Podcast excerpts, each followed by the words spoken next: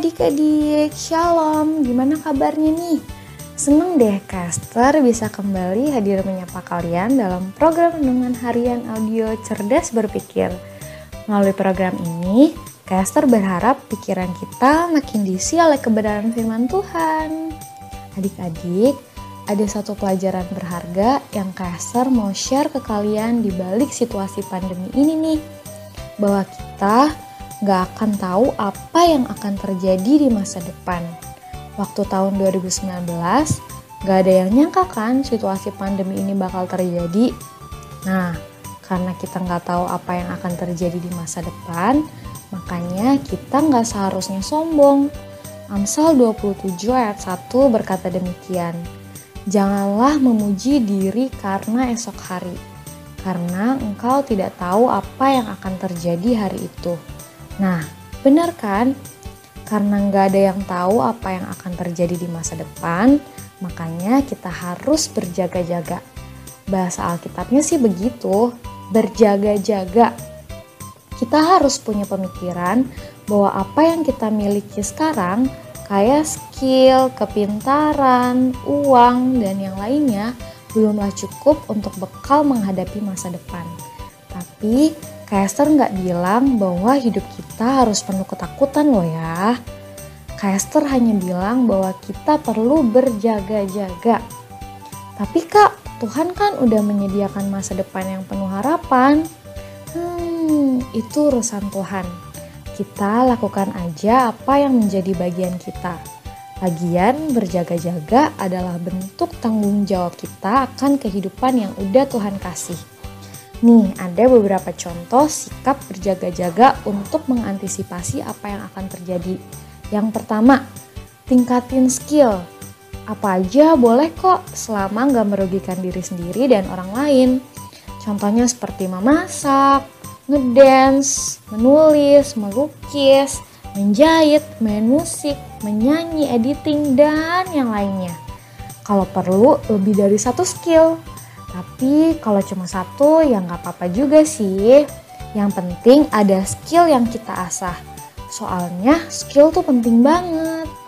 Gini ya, kalau misalnya di masa depan kalian gak dapat pekerjaan formal yang kayak di masa sekarang nih.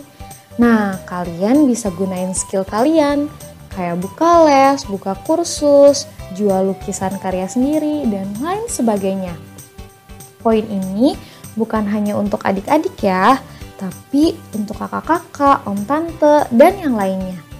Ngembangin skill tuh nggak terbatas pada usia tertentu. Selagi masih bisa, kenapa tidak? Yang kedua adalah menabung. Justru karena adik-adik masih sangat muda, kesempatan menabung jadi makin banyak belum membangun keluarga sendiri, belum ada tanggungan. Pokoknya di usia kalian seru banget deh buat menabung. Shh, ada yang Kester mau kasih tahu nih. Kalau kalian mau nabung di bank, kalian harus cari bank yang punya produk tabungan tanpa biaya potongan bulanan.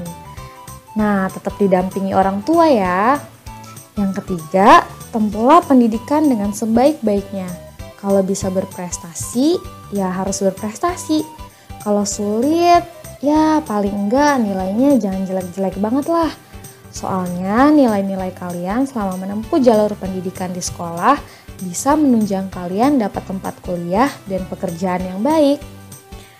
Kak, aku mau mau jadi pendeta, jadi nggak perlu belajar matematika dengan serius. Nilainya juga nggak perlu bagus. Emangnya kalau pas khotbah, bahan khotbahnya itu pelajaran matematika? Kan enggak gini ya, untuk bisa jadi pendeta yang cerdas, idealnya harus menempuh pendidikan sekolah teologi. Untuk bisa masuk sekolah teologi, harus lulus SMA atau sederajat dengan nilai yang memenuhi syarat kan, termasuk matematika. Lagian malu dong kalau pendeta nilai sekolahnya nggak bagus, iya kan? Nah, segitu aja ya yang Kak Esther bisa sampaikan. Intinya, kita harus berjaga-jaga, oke? Okay? Yuk kita berdoa. Bapak yang baik, kami bersyukur untuk kesempatan pada saat ini. Kalau kami masih ada, kalau kami masih sehat, itu semua karena kebaikan Tuhan.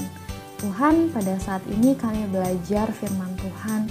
Kami belajar, kami mengerti kalau kami tidak akan tahu apa yang akan terjadi di masa depan. Tuhan buat kami siap menghadapi segala sesuatunya, buat kami menjadi pribadi yang bertanggung jawab dan mampu berjaga-jaga mulai sejak saat ini. Terima kasih Tuhan Yesus, biar kiranya langkah-langkah hidup kami ke depannya Tuhan yang pimpin, Tuhan yang bimbing. Tuhan berkati orang tua kami, keluarga kami, setiap orang-orang di sekeliling kami, Tuhan yang menjaga, Tuhan yang menyertai. Terima kasih Tuhan Yesus, hanya di dalam namamu kami berdoa dan bersyukur. Haleluya. Amin. Oke, tetap sehat ya semuanya, tetap semangat dan tetap jadi berkat. Jangan lupa bahagia. Tuhan Yesus memberkati. Dadah.